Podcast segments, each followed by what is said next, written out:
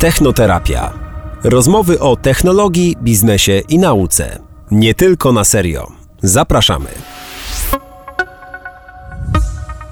Partnerem podcastu jest Orange Polska. Cześć, witajcie w kolejnym odcinku podcastu Technoterapia, technologicznego podcastu portalu gazeta.pl. Ja nazywam się Daniel Majkowski, a obok mnie tradycyjnie zasiada Robert Kędzierski. Tradycyjne dzień dobry naszym słuchaczom. Cześć Robert. E, w technoterapii często rozmawiamy o tym, e, w jaki sposób technologie zmieniają nasze codzienne życie i chyba my, my dwa jesteśmy e, dobrym przykładem takiej technologicznej rewolucji która zaszła na przestrzeni ostatnich dekad, bo y, jak często się nasi słuchacze mogą przekonać, dorastaliśmy jeszcze w tej erze analogowej, a gdzieś tam mm, dziś i, i wcześniej e, pojawiła się ta cyfryzacja i jesteśmy obywatelami tej, tej republiki e, cyfrowej. Jesteś, Robert, dumnym obywatelem tej republiki, czy tak mniej troszeczkę dumnym? Bo ty ja tak zawsze tęsknisz. Aż, aż powiesz, że jestem bardziej z, zakorzeniony w tę erę analogowości. No, siłą rzeczy trochę bardziej tak. Pamiętam czasy, kiedy wszystko było tak analogowe, że nawet y, komputery nie były obecne w przestrzeni publicznej. Mhm. No i chyba takim jednym z, z, obszarów, który, w którym e, te zmiany zachodzące są najbardziej widoczne, jest rynek pracy. E, na naszych oczach pewne zawody znikają, a inne się rodzą. To samo tyczy się naszych umiejętności czy kompetencji pewne umiejętności, które nabyliśmy, y, dziś nie są już do niczego potrzebne, a inne y, stają się wręcz niezbędne, a, a jeszcze inne dopiero się będą gdzieś tam wykluwać. E, I te zmiany są niezwykle istotne e, dla nas, ale też chyba przede wszystkim dla tych osób, które dopiero gdzieś zaczynają e, swoją karierę zawodową albo myślą o jej rozpoczęciu, gdzieś tam dopiero kończą liceum, czy, czy, czy szkołę zawodową, czy technikum i zastanawiają się, jak ten rynek pracy będzie wyglądać w najbliższych latach. Nie tylko oni się zastanawiają, zastanawiają się też eksperci, E, w raporcie World Economic Forum z roku 2018 pojawiły się szacunki. 75 e, milionów miejsc pracy może zniknąć, gdy praca ludzi zostanie zastąpiona przez e, zautomatyzowane systemy mhm. oparte na algorytmach albo maszyny, albo mm, jednocześnie blisko dwa razy tyle, 133 miliony miejsc pracy, zapewnią po prostu jakieś nowe zawody. E, jest jeszcze ważniejsza rzecz. Eksperci oceniają, że w najbliższym czasie po prostu zmieni się profil umiejętności, jakich pra pracodawcy będą wymagać od obecnych pracowników. E, mówiąc tak, w takim skrócie, po prostu to, czego się uczymy, albo to, co dzisiaj umiemy, i nam się wydaje, że jesteśmy w tym dobrzy, no to się pilnujmy, bo za 5 lat albo 10 może się okazać, że jesteśmy dinozaurami przy biurku. Mhm. To takie trochę negatywne, a trochę pozytywne, bo 75 milionów zniknie, ale gdzieś się pojawi 133. No i właśnie dla kogo będą te zawody, albo jakich umiejętności będą wymagać te nowe zawody, e, o tym dziś sobie porozmawiamy, o tym, mm, jak rozpoznać e, te kompetencje przyszłości, które będą decydowały o, o, o tym, mm, że zdobędziemy pracę albo jej nie zdobędziemy w przyszłości i czym tak naprawdę są te kompetencje, dlaczego są ważne i jak możemy je rozwijać. Robert, y, wiesz dlaczego? Y, wiesz co, bardzo chętnie poznam odpowiedź na to pytanie, dlatego że to jest odpowiedź na pytanie nie tylko, czy zdobędziemy pracę, ale czy ją e, utrzymamy. No tak, z naszej perspektywy to szczególnie ważne. E, na szczęście nie musisz znać tych wszystkich odpowiedzi, bo jest z nami szczególny gość, e, Łukasz e, Komuda. Witaj Łukaszu, cześć. Cześć, dzień dobry. Łukasz Komuda, czyli ekspert rynku pracy, a także członek Rady Orange Digital Center, nowego programu Fundacji Orange, który skupia bezpłatne projekty rozwijające kompetencje e, przyszłości. E, Łukaszu, wiem też, że e, oprócz tego, że jesteś ekspertem właśnie w dziedzinie rynku pracy, jesteś też związany między innymi z Fundacją Inicjatyw Społeczno-Ekonomicznych, a także e, od ponad roku e, współtworzysz, prowadzisz swój podcast Ekonomia i cała reszta, więc jesteś tutaj naszym e, bratem podcastowym, można by tak powiedzieć. tak, tak. Podcasterzy zapraszają podcasterów, tak. tak. W takiej formule się dzisiaj spotykamy. Ale faktycznie, faktycznie rynkiem pracy się zajmuję już dłuższy, dłuższy czas, bo chociaż z Fundacją Inicjatyw Społeczno-Ekonomicznych jestem związany od dekady, to wcześniej byłem dziennikarzem ekonomicznym i redaktorem przez prawie 20 lat, więc ten temat rynku pracy był mi zawsze bliski, a właśnie szczególnie bliski jest od, od co, najmniej, co najmniej dekady. Mhm. No dobra, to zacznijmy od tego pytania, które tak naprawdę postawiliśmy sobie wcześniej e, z Robertem. E, czym są e, te kompetencje przyszłości? Sporo się słyszy, ten, ten termin często pada. Mm, czy jest jakaś spójna definicja? Nie ma spójnej definicji o. i nie może być w, w gruncie mhm. rzeczy, dlatego że, dlatego, że mm, mamy, można powiedzieć, kilka sposobów patrzenia na, e, e, na ten e, problem, czego będą potrzebować pracodawcy, czego będą potrzebować pracownicy na rynku pracy za, za 10, 20 czy 30 lat i więcej. Mamy ośrodki, nazwijmy to takie intelektualne, to mogą być uczelnie, mogą być instytuty badawcze, firmy doradcze i tak dalej. One mogą tworzyć jakąś jedną siatkę taką pojęciową. Mamy na przykład socjologów, którzy y, czy, czy, czy pedagogów, androgogów y, i specjalistów z tych dziedzin. Androgogika to jest tak jak pedagogika, czyli uczenie Właśnie dzieci, chcia, chciałem, tylko uczenie, spytać, tak. uczenie dorosłych, uczenie dorosłych, tak? Dziedzina, która będzie moim zdaniem e, zyskiwać e, e, na, na znaczeniu, dlatego że coraz częściej będzie tak, że będziemy musieli się uczyć całe życie. O, tym, o tym pewnie powiemy trochę więcej. Ale ty chcesz powiedzieć przez to, że ja będę chodził jeszcze do androloga, do gabinetu, jak czegoś nie opanuje. Androgoga, androgoga, prędzej niż androloga. E, e, myślę, że ten, myślę, że e, mam nadzieję, że rozwinie się coś takiego jak bardziej jak doradztwo zawodowe, takie, takie bardziej dopasowane do indywidualnych potrzeb, które będzie wskazywało pomagało identyfikować, jakie mamy braki, które nam zaraz wybuchną w twarz, tak? dlatego że, że rynek pracy się dynamicznie zmieni, zmienia i podpowiadać nam, e, co mamy z tymi brakami e, zrobić. Więc wracając do pytania, e, jeśli chodzi o to, jak, jak te kompetencje się próbuje jakoś grupować, czy porządkować, czy definiować, to mamy dokumenty różnego rodzaju rządowe, strategiczne, gdzie się pojawiają kompetencje przyszłości i są jakoś poopisywane. Mamy szereg różnych raportów i badań robionych przez socjologów, Mamy instytucje międzynarodowe, które to próbują e, e, także jakoś porządkować, w tym e, instytucje unijne. I jeżeli ktoś jest zainteresowany, ile i jakie są te różne spojrzenia na, na, na, to, na ten właśnie problem, czym są takie kompetencje przyszłości, a czym nie są na przykład, to ja zachęcam do, do zajrzenia do takiego raportu, który opublikowała Fundacja Platforma Przemysłu Przyszłości. On się ukazał, ma trzy miesiące temu. Mhm. On się, zatytułowany jest raport z badań empirycznych w zakresie kompetencji i zawodów przyszłości. Dokładnie w naszym temacie. O, tam po prostu na wstępie jest z, z, zebrana literatura. Jak się do tego podchodzi? Właściwie co się bierze pod uwagę i jakie się koszyki tworzy wokół tych, y, tych kompetencji. Ale gdybym miał y, na bazie właśnie tego raportu oraz kilku ostatnich badań, e, takich źródeł, które są najczęściej cytowane, jakoś to samemu spróbować komuś e, wytłumaczyć, to bym powiedział, że, że kompetencje można na takie trzy grupy podzielić. Mhm. Są to kompetencje poznawcze, kognitywne, społeczne e, i kompetencje takie, które nam się najbardziej kojarzą z przyszłością, czyli z komputerami, z nowymi technologiami i tak dalej, czyli kompetencje techniczne e, oraz te kompetencje w zakresie posługiwania się oraz zarządzania informacją i wiedzą. O, takie mhm. trzy grupy można byłoby wskazać. No właśnie, bo jakby może to jest jakieś tam y, zboczenie zawodowe z racji, że ja się na co dzień zajmuję jednak nowymi technologiami, ale kiedy kiedy ja myślałem sobie o, o, tym pojęciu, no to zawsze mi się kojarzyły właśnie te, te takie twarde, cyfrowe umiejętności, no nazwijmy to programowanie na przykład, tak, tworzenie algorytmów i tak dalej.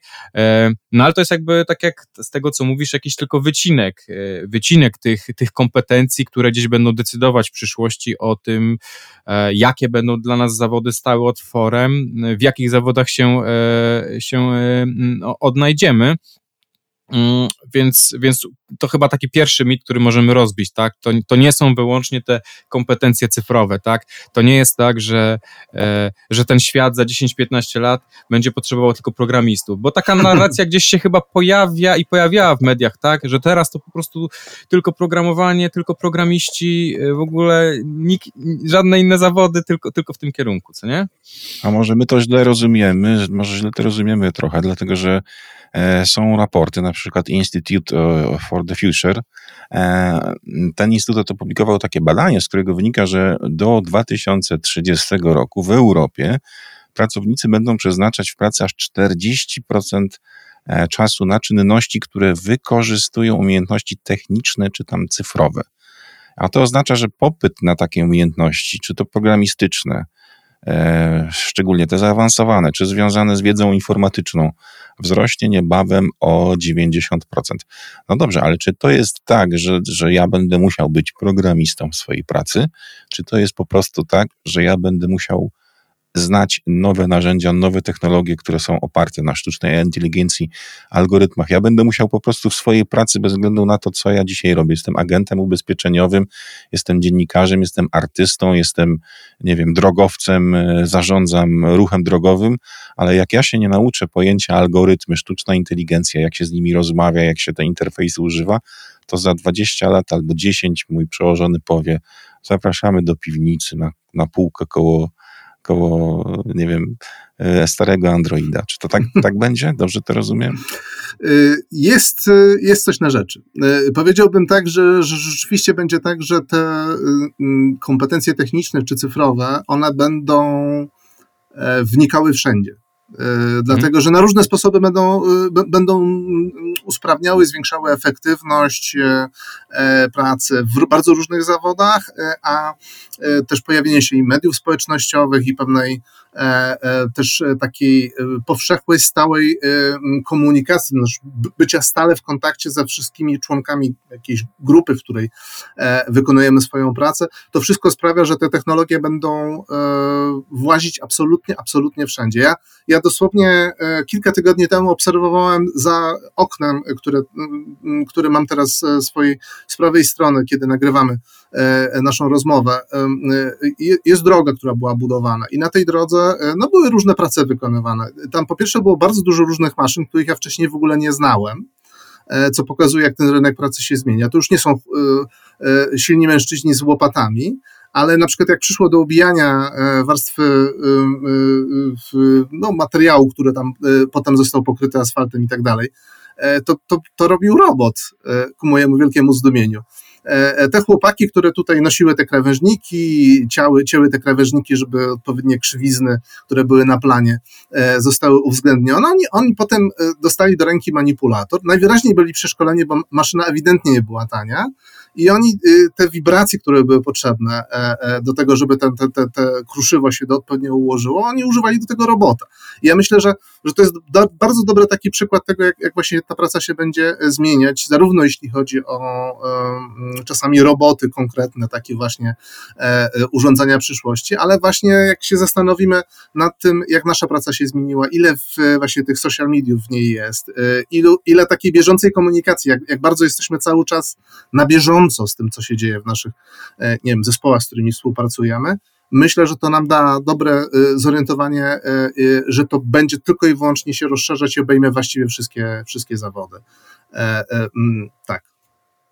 No i tutaj też e, jakby wracając do tej androgigi, to mnie, to mnie bardzo za, za, zainteresowało, co mówiłeś na początku, że ta nau, nauka uczenia dorosłych e, i ona tu wchodzi mocno do gry e, z racji tego, że też gdzieś, ja oczywiście znów, znów będę, będę dzisiaj tym, tym gościem, który stereotypami e, uderza, wy będziecie je rozbijać, ale jednak było takie stereotypowe myślenie, że jakby czas na edukację to jest do pewnego wieku, później już po prostu e, e, zdobyłeś ten bank tej wiedzy, Poza oczywiście e, i, i, i, z niej korzystaj. Oczywiście poza, nie wiem, zawodami takim jak lekarz, no tutaj, o których zawsze wiedzieliśmy, że to jest nauka do końca życia, to jednak w większości zawodów wydawało się nam, że okej, okay, mamy to, no to już teraz tylko po prostu korzystajmy z tego i, i, i, i jakieś tam może kursy, ale na, nawet niekoniecznie. Ja słuchajcie, ja mam świetny przykład y, te, tego, tej technologii. To jest przykład telefonii i internetu. Wyobraźcie sobie, że wchodzicie do zakładu pracy, który zajmuje się telekomunikacją i macie budki telefoniczne, telefony stacjonarne. Wasza praca to jest podłączenie telefonu po 20 latach od podania w jakimś mieszkaniu, a tu się nagle pojawia internet, ISDN, jakieś neostrady. Nie ma już e, telefonistek ani łączeń międzymiastowych, jest robot. E, w ciągu jednej kariery, jednego życia zawodowego, podejrzewam, że przeszło to od telefonu stacjonarnego nawet do technologii 5G, jeżeli ktoś przepracował całe życie w takim zakładzie. Jak taka osoba bez szkolenia, zdobycia wiedzy będzie w stanie utrzymać nawet to miejsce pracy w tym zakładzie? Będzie jej bardzo ciężko. Wydaje mi się, że, że to taka ścieżka, że to w taki sposób właśnie będzie się zmieniać w innych obszarach? Y, ja myślę, myślę że to jest nie, nie, nieuchronne. Czy będzie bardzo niewiele zawodów, które będą, e, e, można powiedzieć, rozwijały się w sposób tradycyjny, czyli e, faktycznie no, ta nasza intuicja o tym, że uczymy się, uczymy się, uczymy się, potem wchodzimy na rynek pracy i już właściwie tej nauki jeżeli jest to tylko w pewnych określonych zawodach. Mhm. Skąd mamy tą intuicję? Dlatego, że tak działał rynek pracy przez całą historię, można powiedzieć, tak? E, uczyliśmy się na szewca, albo nie wiem, na spawacza, albo na kierowca autobusu, albo na nauczyciela, no więc uczyliśmy się, uczyliśmy się, uczyliśmy, osiągaliśmy pewien poziom kompetencji, e, e, który nas uprawniał, czasami był egzamin do tego odpowiedni, czy, czy, czy jakaś inna formuła sprawdzenia naszych kompetencji i zaczynaliśmy pracę. I dalej nasz rozwój odbywał się raczej na zasadzie zasadzie zdobywania już doświadczeń praktycznych. Robimy już te, te buty, uczymy te dzieci, spawamy te, te, te elementy e, stalowe i na, na bazie tego, e, e, ile tego zrobimy, z jakimi problemami zetkniemy się, na tyle będzie, będą rosły nasze bieżące kompetencje. To już nie może działać w ten sposób dlatego że, że narzędzia zaczynają się bardzo szybko zmieniać. Y, przypominam sobie y, taką y, historię mojej koleżanki, która współpracowała ze mną w Fundacji Inicjatyw Społeczno-Ekonomicznych. Ona w pewnym momencie zdecydowała, że chciałaby się przebranżowić i oczywiście jej myśli powędrowały w stronę sektora ICT, czyli Information Communication Technologies. W Polsce najczęściej się używa formuły IT, sektora IT. E, I ona zaczęła się uczyć jakiegoś języka programowania. Nie powiem jakiego, dlatego że nie ma to znaczenia w tej historii, dlatego że kiedy zaczęła już wysyłać swoje CV i szukać potencjalnego zatrudnienia, mając jeszcze, tak naprawdę bardzo niewielkie e, doświadczenie, to e, ostatecznie wylądowała w firmie, której używa innego języka. Czyli to, czego się nauczyła, się nie przydało. Więc dlaczego ją zatrudnili, a nie poszukali kogoś z tym właściwym językiem? Bo tych ludzi z właściwym językiem nie ma, bo to jest nowy język. I właściwie nie, nie ma ludzi, którzy jeszcze go potrafią. Nie, nie, ma rynku po prostu, nie ma podaży ludzi, więc de facto trzeba przyjąć kogoś, kto właśnie niedawno się nauczył, czyli udowodnił, że potrafi się uczyć języka programowania, a następnie włożyć pewną energię i czas i pieniądze, żeby go nauczyć tego języka, który tak naprawdę jest potrzebny. I moim zdaniem to jest jeden, jeden z takich symptomów, jedno z takich zjawisk, które będzie obejmowało coraz większą grupę pracowników, że trzeba, że to z jednej strony oni sami będą musieli pilnować, żeby być na czasie, żeby być, e, e, mm, można powiedzieć, bezpiecznie kompetentni, czyli będą się posuwali razem z narzędziami, które będą potrzebne do ich pracy. Ale też pracodawca będzie musiał tego pilnować ze swojej strony, żeby, można powiedzieć, część kadr nie została E, taka spóźniona i nie będzie na przykład stawiała oporu, trzymając się kurczowo pewnej technologii, która jest coraz mniej użyteczna, e, dlatego że firma przechodzi na nową technologię. Więc to będą, to będą zjawiska, które będą dotyczyły zdecydowanej większej grupy ludzi niż e, kiedykolwiek w historii i ta grupa będzie cały czas rosła. Ja rozmawiałem w, w ramach mojego podcastu, który nagrywam z kolegą, z Kamilem Pfeifferem, czyli Ekonomia i cała reszta na temat właśnie tej bonanzy w IT, jak długo ona będzie trwała, od czego zależy, jak wygląda w ogóle mm, y, y, taka praca w, w tym sektorze.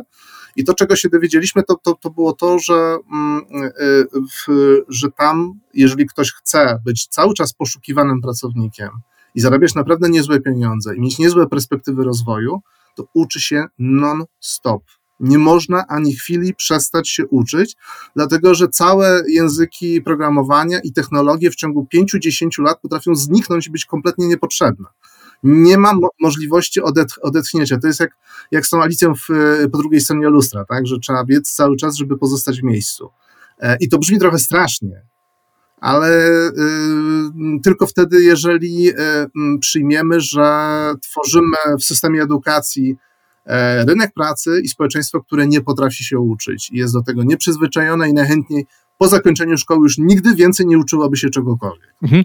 E, wielu rzeczy dotknąłeś, tak chcę po kolei. Najpierw mi się przypomniała historia mojej z kolei znajomej y, ze Szwecji, y, którą, którą kiedyś odwiedziłem i ona mi się wtedy pochwaliła, że no słuchaj, to było, to było gdzieś przełom roku 2006-2007. Ona mówi, słuchaj, mm, no w Szwecji teraz jest, jest mega moda, żeby uczyć się Symbiana, e, języka programowania, żeby robić e, oprogramowanie dla smartfonów Nokia. 2006 rok to absolutny, absolutny apogeum e, potęgi Nokii, po prostu słynna okładka Forbesa, gdzie tam padło pytanie, czy ktoś pokona największego smartfonowego giganta na świecie. No i potem się okazało, że rok później się pojawił iPhone i, i, i, to był tak naprawdę koniec tej wielkiej Nokii i też koniec dla mojej koleżanki, która no jednak włożyła sporo energii i pieniędzy w naukę języka, który właśnie jest tak naprawdę może nie z dnia na dzień, ale e, e, gdzieś z miesiąca na miesiąc czy roku na rok e, stał się no, martwym językiem, tak jak języki nasze ludzkie stają się martwe, czasami wymierają, tak też jest z językami programowania, ale tu wchodzi też to i to jest kolejny jakiś wątek, myślę, ciekawy do dyskusji, e, że to, co łączy te wszystkie historie, właśnie historię mojej znajomej i, i twojej koleżanki, to jest to, że mm, tak jak mówiłeś, że twoja koleżanka dostała pracę, mimo że nie znała języka e, programowania, ale gdzieś pracodawca w niej coś dostrzegł. I tu chyba wchodzą właśnie też te kompetencje niekoniecznie twarde, czyli te społeczne i poznawcze, tak? Czyli te skille, które nie są związane z, z, z na przykład z programowaniem, ale właśnie po których pracodawca może rozpoznać. Ok, ten człowiek e, jeszcze tego nie umie, musi się tego nauczyć, ale on ma umiejętności, po których ja wiem, że on to zrobi. On jest wytrwały na przykład, tak? On, y, on potrafi myśleć analitycznie. E, i, to, i, i, i, tu, i tu, tu właśnie wchodzą te kompetencje, o których chwilę mówiłeś, ale może rozwińmy ten temat, tak? Właśnie co z tymi pozostałymi kompetencjami, które też jak pokazują badania e, unijne, e, popyt na nie będzie rósł, czyli i kompetencje społeczne, i te kompetencje e, poznawcze. Mhm. E, więc e, zacznę od tego, że kilka miesięcy temu Polski Instytut Ekonomiczny opublikował taki raport, który dotyczył E, dotyczył właśnie tego, jaka jest e, perspektywa przedsiębiorstw na temat tego, e, jakich kompetencji brakuje pracownikom. I to zapytał zarówno w stosunku do tego, co jest teraz, jak i tego, co, czegoś możemy się spodziewać w jakiejś perspektywie, powiedzmy, dekady czy, czy, czy dwóch dekad, e, e, takiej bliskiej, dającej się jeszcze przewidzieć przyszłości. No więc, w, w, mając 18 różnych kompetencji przyszłości do wyboru, E, e, w, e, pracodawcy wskazali na powiedzmy pięć takich najważniejszych kompetencji, których ich zdaniem pracownikom brakuje najbardziej. I to będzie tak, w, w kolejności kreatywność, branżowe kompetencje specjalistyczne, czyli takie, nazwijmy to, techniczne kompetencje, współpraca z innymi, krytyczne myślenie i piąte, na piątym miejscu rozwiązywanie złożonych problemów. Czyli jak widzimy, E, jest jak najbardziej, e, i to na drugim miejscu te, są te kompetencje techniczne, takie można powiedzieć ścisłe, takie związane z narzędziami, z oprogramowaniem, z maszyną, którą trzeba obsłużyć i tak dalej. Ale e, cztery pozostałe miejsca, i to, nawet, i to nawet na pierwszym miejscu, też pojawia się kompetencja z tej, z tej grupy, którą można nazwać poznawczą. Tak?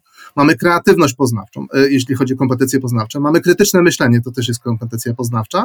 I mamy rozwiązywanie złożonych problemów, również kompetencja poznawcza. I do tego dochodzi ta kompetencja społeczna, czyli e, praca e, z innymi, praca w grupie, inaczej nazywana.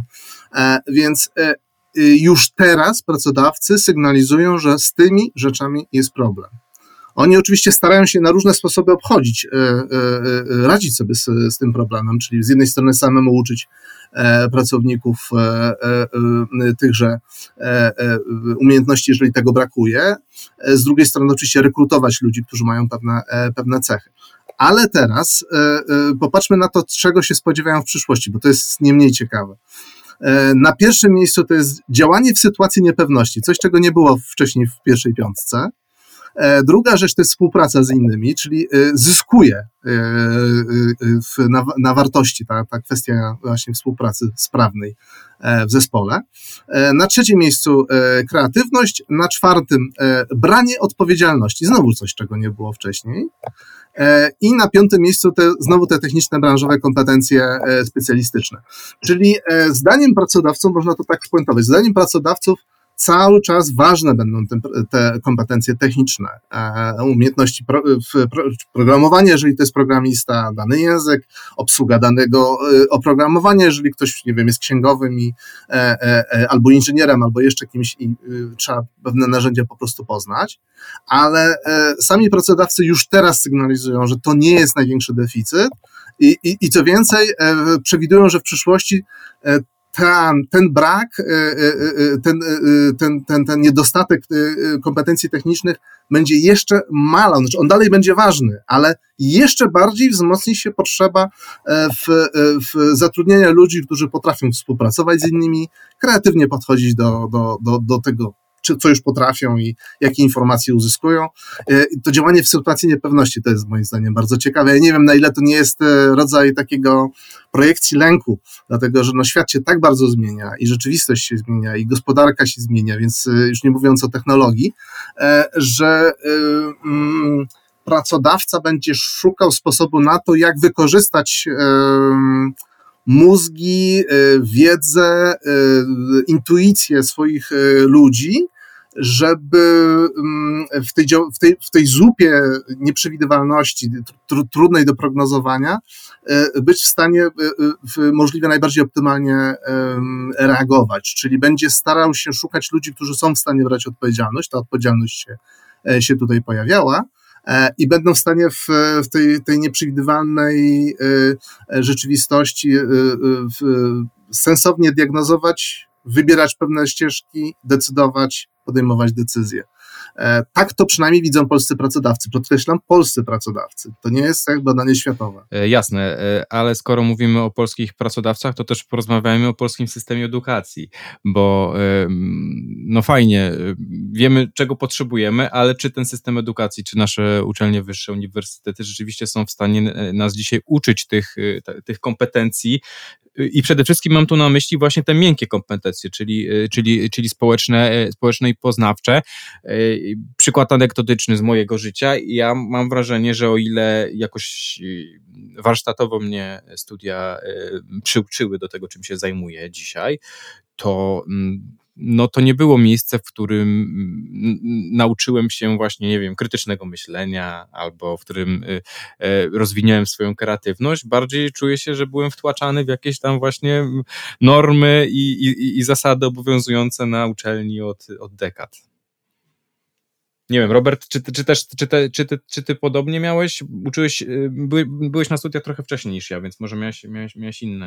Mm, ja się zastanawiam w tym kontekście, czy to, co się wydarzyło w ostatnich latach, bo to oczywiście to, co mówi Daniel, to jest jak najbardziej prawdziwe, chyba każdy to ma takie wrażenie, ale czy to, co się w ostatnich latach wydarzyło, czyli to pandemia, e, przewartościowanie pewnych spraw, czasem nie będzie odczuwane na rynku, bo ja rozmawiałem z, z osobami zajmującymi się pomocą młodym ludziom i oni ostrzegają, że to jest jakaś no, tykająca bomba, że ci ludzie są właśnie oduczeni kontaktów społecznych wręcz, a co dopiero o współpracy mówiąc. Także ci ludzie, szczególnie wchodzący w ten, ten e, pierwszy rok studiów, e, kończący szkołę średnią, ci, którzy trafili na studia, oni zostali wyrwani z takiego środowiska, w którym przebywamy ze sobą, pracujemy ze sobą, to im może jakąś jednak krzywdę wyrządzić. Więc ja dołożę tę część opowieści do pytania Daniela. Mhm.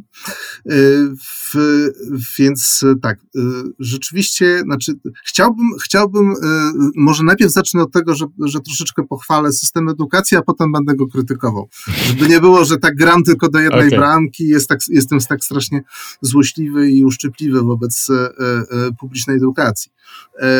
Jak rozmawiam z ludźmi z branży ICT czy IT, E, gdzie oni szukają ludzi, gdzie oni szukają fachowców, e, jak oni uzupełniają braki kadrowe, to oni cały czas podkreślają, że politechniki cały czas robią dobrą robotę, że ludzie, którzy wychodzą z politechnik, to jest ich pierwszy kierunek, jak szukają kogoś młodego, jeszcze niedoświadczonego, to dla nich jest absolutnie pierwszy kierunek, żeby szukać mhm. dobrych politechnik, bo z jednej strony one uczą pewnych rzeczy, które są pożyteczne w pracy, przede wszystkim też myślenia, nawet takiego specyficznego myślenia inżynieryjnego, można powiedzieć, ale też one dokonują pewnej selekcji, to znaczy tam się nie dostają losowi ludzie, tylko też ludzie określonych. E, no tą matematykę trzeba by na maturze jednak zdać. Na, na tak, tak, dokładnie tak. To jest jeden z, jedno z kryteriów, które e, można powiedzieć se, e, ułatwia selekcję ludzi, którzy będą w stanie szybko uczyć się algorytmicznie, myśleć i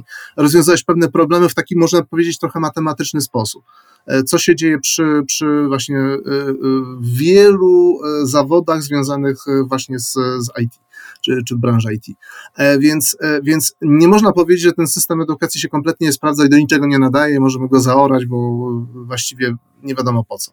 E, z punktu widzenia przynajmniej rynku pracy funkcjonuje, bo ja bym zwrócił uwagę też na to, że system edukacji ma wiele różnych funkcji, społecznych również i tu nie chodzi wyłącznie o stworzenie świetnego pracownika, ale też o wiele innych rzeczy. Ale zostawmy te inne rzeczy. I, y, i faktycznie, no niestety jest tak, że tak, po pierwsze system edukacji, w ogóle edukacja w Polsce y, publiczna nigdy nie była jakoś bardzo priorytetowa.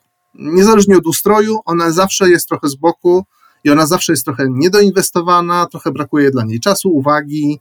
E, e, jest też taka pewna tendencja, że też odkąd pamiętam, e, ona trafia pod skrzydła czy w ręce osób, które są konserwatywne. I tu nie chodzi mi nawet o konserwatyzm taki w rozumieniu obyczajowym, co by było nawiązanie do obecnego ministra edukacji, tylko raczej sposób myślenia w ogóle o tym, właśnie do czego służy edukacja i, e, i jak ją należy konstruować.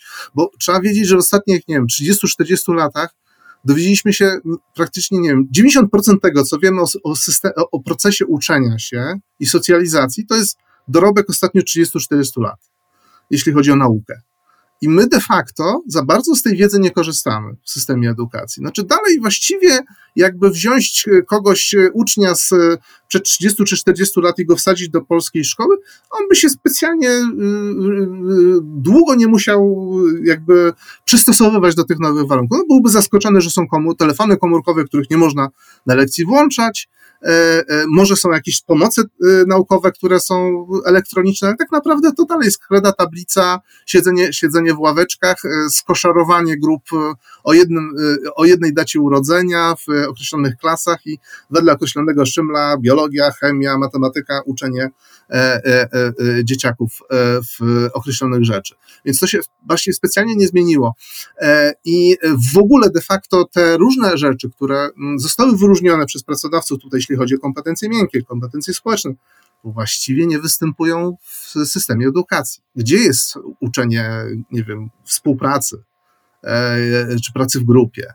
To oczywiście zdarza się na niektórych lekcjach czy niektórych zadaniach, ale to nie jest jakby modus operandi w ogóle naszej szkoły, tak? Że działamy w pewnej grupie, czyli musimy się nauczyć tak, jak się komunikować ze sobą, jak podzielić y, zadania, które są do wykonania, kto jest za co odpowiedzialny, jak sobie pomagać, jeżeli ktoś sobie nie radzi z danym zadaniem. Tak to są te rzeczy, które szkoła powinna, e, e, e, szkoła, szkoła mogłaby nauczyć, ale tego specjalnie nie robi, bo od czasu do czasu są pewne zadania robione grupowo i to jest właściwie tyle. Nie ma żadnej głębszej refleksji na tym, czemu to właściwie służy.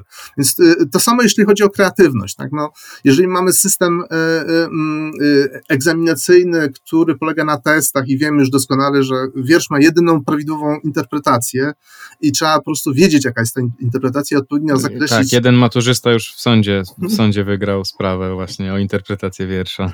I sami poeci jeszcze żyjący, którzy tak. zostali wykorzystani do, do testów maturalnych czy, czy, czy, czy innych, mówią, że no to, to, to jakby to, co zostało w jaką ramkę zostali wepchnięci, w ogóle w żaden sposób nie przyszłoby im do głowy.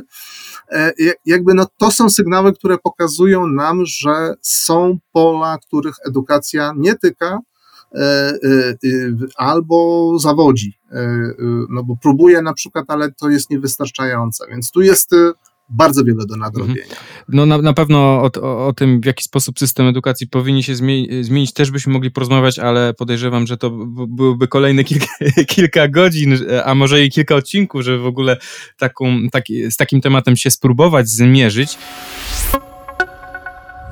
Technoterapia. Rozmowy o technologii, biznesie i nauce.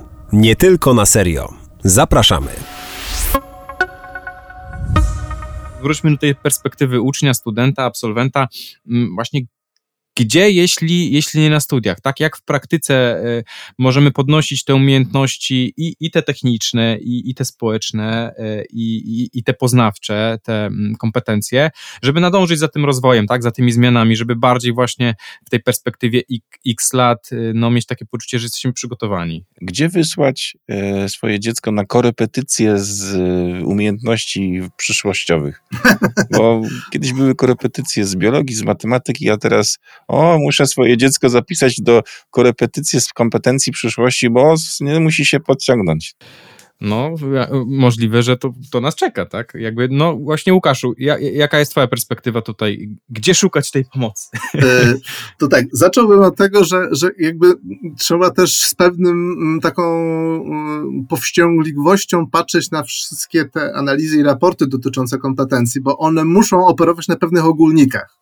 Dlatego, że gdybyśmy y, zaczęli dostatecznie dokładnie na przykład patrzeć na to, czego szuka konkretny pracodawca na danym stanowisku, to się okaże, że tych kompetencji jest, nie wiem, dziesiątki tysięcy. I de facto nie da się ani y, nic szczególnego o nich powiedzieć, ani na przykład y, sensownie podpowiadać ludziom, jak mają się rozwijać, żeby, żeby e, e, spełnić e, pewne wymagania, które e, stawia teraz rynek e, przed nimi rynek pracy. Więc one muszą bazować na pewnym poziomie ogó- ogólności, więc, e, e, więc dlatego też m- mówimy o tym, że właśnie korepetycje z kompetencji przyszłości, ale nawet jak popatrzymy na te, te kompetencje techniczne w tych kompetencjach przyszłości, one są też tak czasami bardzo ogólnie podane. Na przykład pamiętam, że w takiej klasyfikacji, którą robił Delap, to jest taki, taki projekt badawczy na Uniwersytecie Warszawskim, gdzie też był raport chyba 3 lata temu o kompetencjach przyszłości. Tam się pojawiały wyższe kompetencje cyfrowe, podstawowe kompetencje cyfrowe i jeszcze jakieś tam kompetencje związane z obsługą e, e, e, maszyn i urządzeń, jeśli dobrze pamiętam. Więc jakby to też, to też jest bardzo, bardzo ogólnie y, i y, żadnych korepetycji ani kursów y, z podstawowych umiejętności cyfrowych ja nie przypominam sobie, żeby, żebym kiedykolwiek widział. Więc, więc starając, się, starając się odpowiedzieć na pytanie w takim razie, co, co, co robić, jeżeli się jest, jest się młodym człowiekiem, to co robić? To jest bardzo, bardzo trudne pytanie. E, Na pewno jest tak, że to bardzo wiele zależy od własnych e, umiejętności, predyspozycji e, i preferencji. Wiele osób, które się zajmuje planowaniem, nie wiem, kariery czy przyszłości w ogóle, zwraca uwagę, że to jednak jest bardzo istotne, co my lubimy, a czego nie lubimy robić. Więc to też jest bardzo ważne, a bardzo wiele młodych ludzi w ogóle nie ma tak naprawdę świadomości tego, czego na pewno nie chce robić. Więc ja, ja, ja, ja kiedyś byłem zapraszany, teraz chyba mniej chętnie mi się zaprasza na spotkania z młodymi ludźmi, bo ja bardzo często mówiłem, że nie idźcie na studia, idźcie popracować, a potem za rok pójdziecie na studia, trochę y, y, macie większą szansę, że ominiecie te studia, które są kompletnie dla was bezużyteczne. Bo po pracy troszeczkę wam już y, na przykład y, odpadnie wątpliwości, czego nie chcecie robić, tak?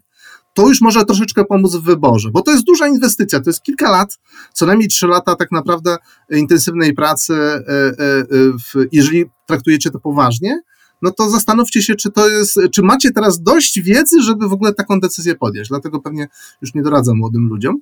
E, e, no, ale, e, ale gdybym miał jakby taki, taką, taką ogólną jakąś radę czy refleksję wskazać, znaczy wyrazić w, w kontekście właśnie zdobywania tych kompetencji, to sprawdzić, w czym jesteśmy w miarę, w miarę mm, sprawni i w czym możemy się dalej rozwijać i co nie jest czymś, czego nienawidzimy, bo tego trzeba raczej unikać. E, Jeżeli pasuje nam taka klasyczna e, e, e, system edukacji, czyli, czyli formalnej, czyli najmniej na to studia, no to okej, okay. zastanówmy się w takim razie, jaki kierunek by e, był najbardziej obiecujący. To praktycznie w każdym roku się de facto zmienia, ale zawsze studia inżynierskie zawsze na propsie. Generalnie jak się popatrzy, od lat e, cały czas słyszę, że inżynierów brakuje, inżynierów brakuje. Wi- Wiadomo, że nie wszystkich i inżynier e, e, drzewny, to, czy, czy obróbki drzewa, czy czegoś takiego, to jest trochę co innego niż inżynier e, z dziedziny chemii, chemii czy inżynier budownictwa, czy inżynier telekomunikacji. Każda z tych dziedzin w danym momencie może różnie, e, różne dawać perspektywy. Natomiast generalnie studia inżynierskie dają jako takie spore szanse na to, że nawet jeżeli nie wprost w naszej dziedzinie, to, możemy mm, w jakiejś innej znaleźć zatrudnienie, które będzie rozwijające, satysfakcjonujące finansowo i tak ogólnie rozwojowo. Natomiast jeżeli już na przykład ma, jesteśmy po studiach, albo nie chcemy iść na studia, jakoś nie, nie, to nie jest do końca miejsce dla nas, no to są różne formuły edukacji e, nieformalnej. Znaczy mamy różnego rodzaju kursy. E, zacząłbym od czegoś takiego najbardziej, najbardziej podstawowego i banalnego, jest kurs prawa jazdy na przykład, tak, który nie jest elementem formalnej edukacji, a jest niezwykle pożyteczny na rynku pracy, dlatego że w wielu zawodach jest de facto e, e, niezbędny. Tak?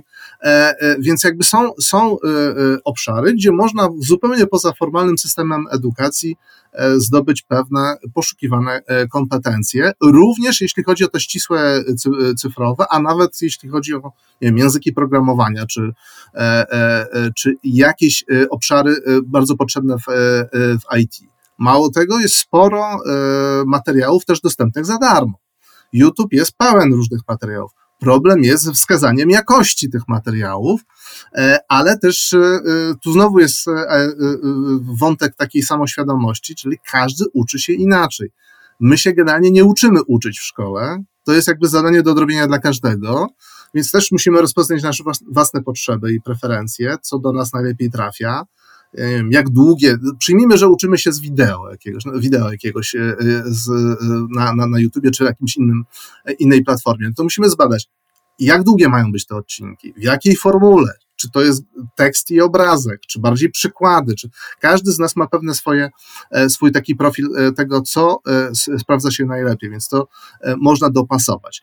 No i jeśli chodzi o takie bardziej klasycznie pojmowaną edukację nieformalną, czyli kursy, bootcampy, to są takie intensywne kursy, na przykład związane najczęściej z programowaniem, no to mamy y, te, też bardzo bogaty wybór i jeśli chodzi o y, ceny, i jeśli chodzi o intensywność, i jeśli chodzi o regularność, i czy to jest online, czy, czy, czy na miejscu.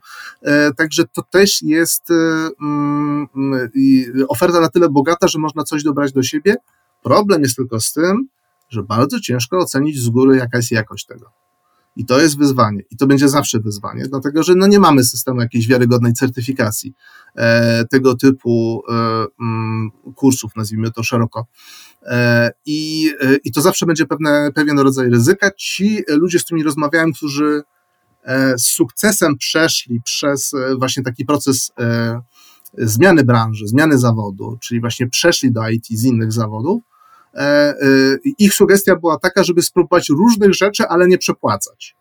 To znaczy nie bać się zapłacić pewne niewielkie pieniądze, e, na które nas stać, ale nie szarżować, dlatego że nie ma w ich doświadczeniu prostego związku między kosztem danego kursu, a jego faktyczną użytecznością, praktycznością, czy, czy przełożeniem na przykład na, na, na, na późniejszą karierę zawodową. Więc jakby jest tutaj kilka takich ścieżek i rad, które można wykorzystać. Natomiast coraz więcej, i moim zdaniem to jest też jakiś trend, y, który będzie się wzmacniał. Coraz więcej robią same firmy.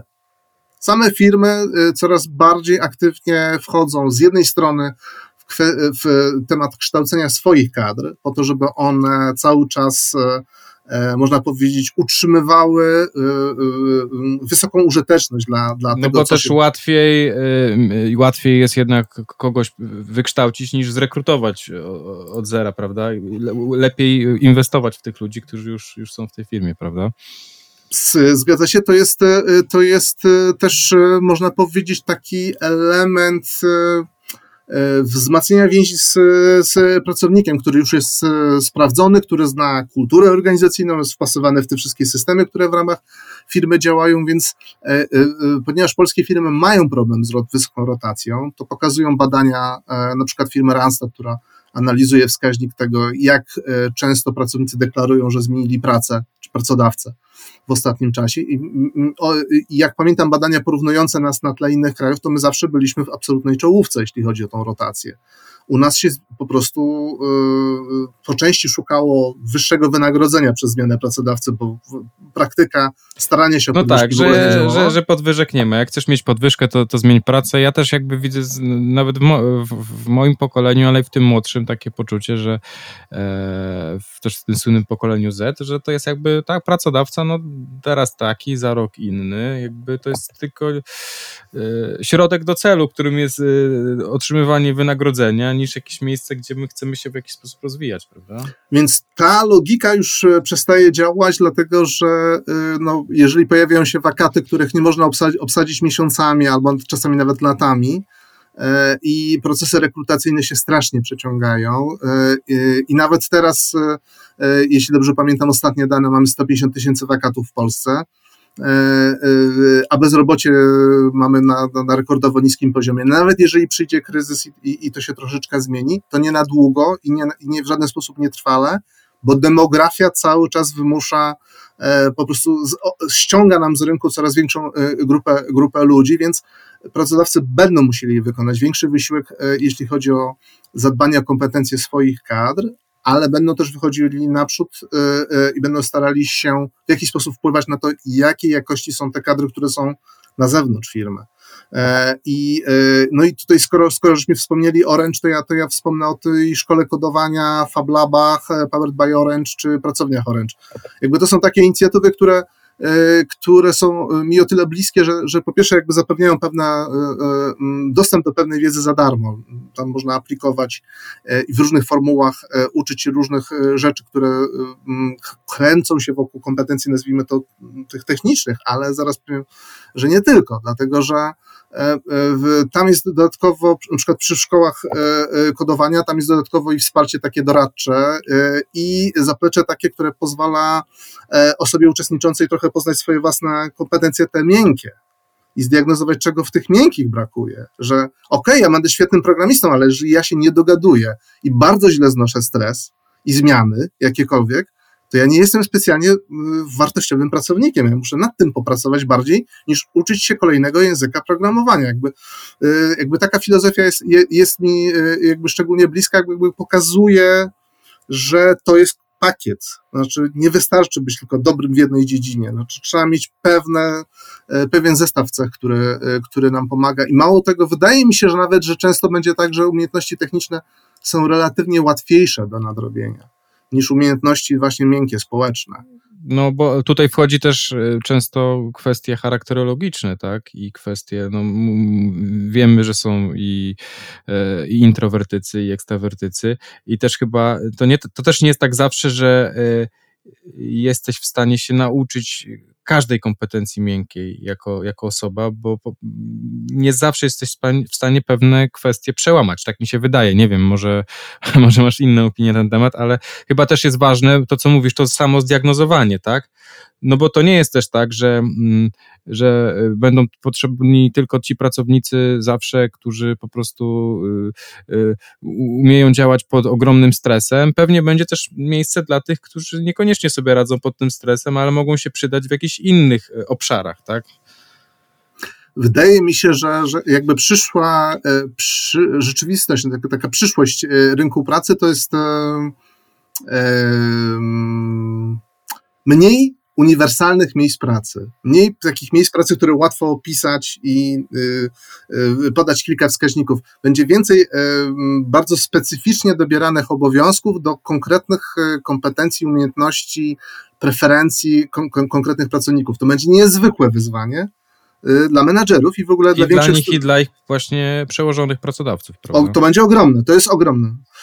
Właśnie, ja chciałem o to spytać, czy nie wydaje ci się, że tak jak pracownicy powinni się jakoś podszkalać, to również powinni się podszkalać szefowie, żeby zrozumieć e, tę różnorodność e, zespołu, tego, że ktoś ma bardzo specyficzne umiejętności, bardzo konkretne kompetencje i on jest od danej czynności, w tym jest dobry, a, ale to samo, co mówisz pod względem charakterologicznym, czyli dobór zespołu. No jeżeli ktoś jest wybitnym programistą, ale z racji charakteru innych cech nie radzi sobie na przykład w pracy grupie albo w bezpośrednim, bliskim, stałym kontakcie z kimś, no to trzeba też umieć go y, wykorzystać w swojej firmie.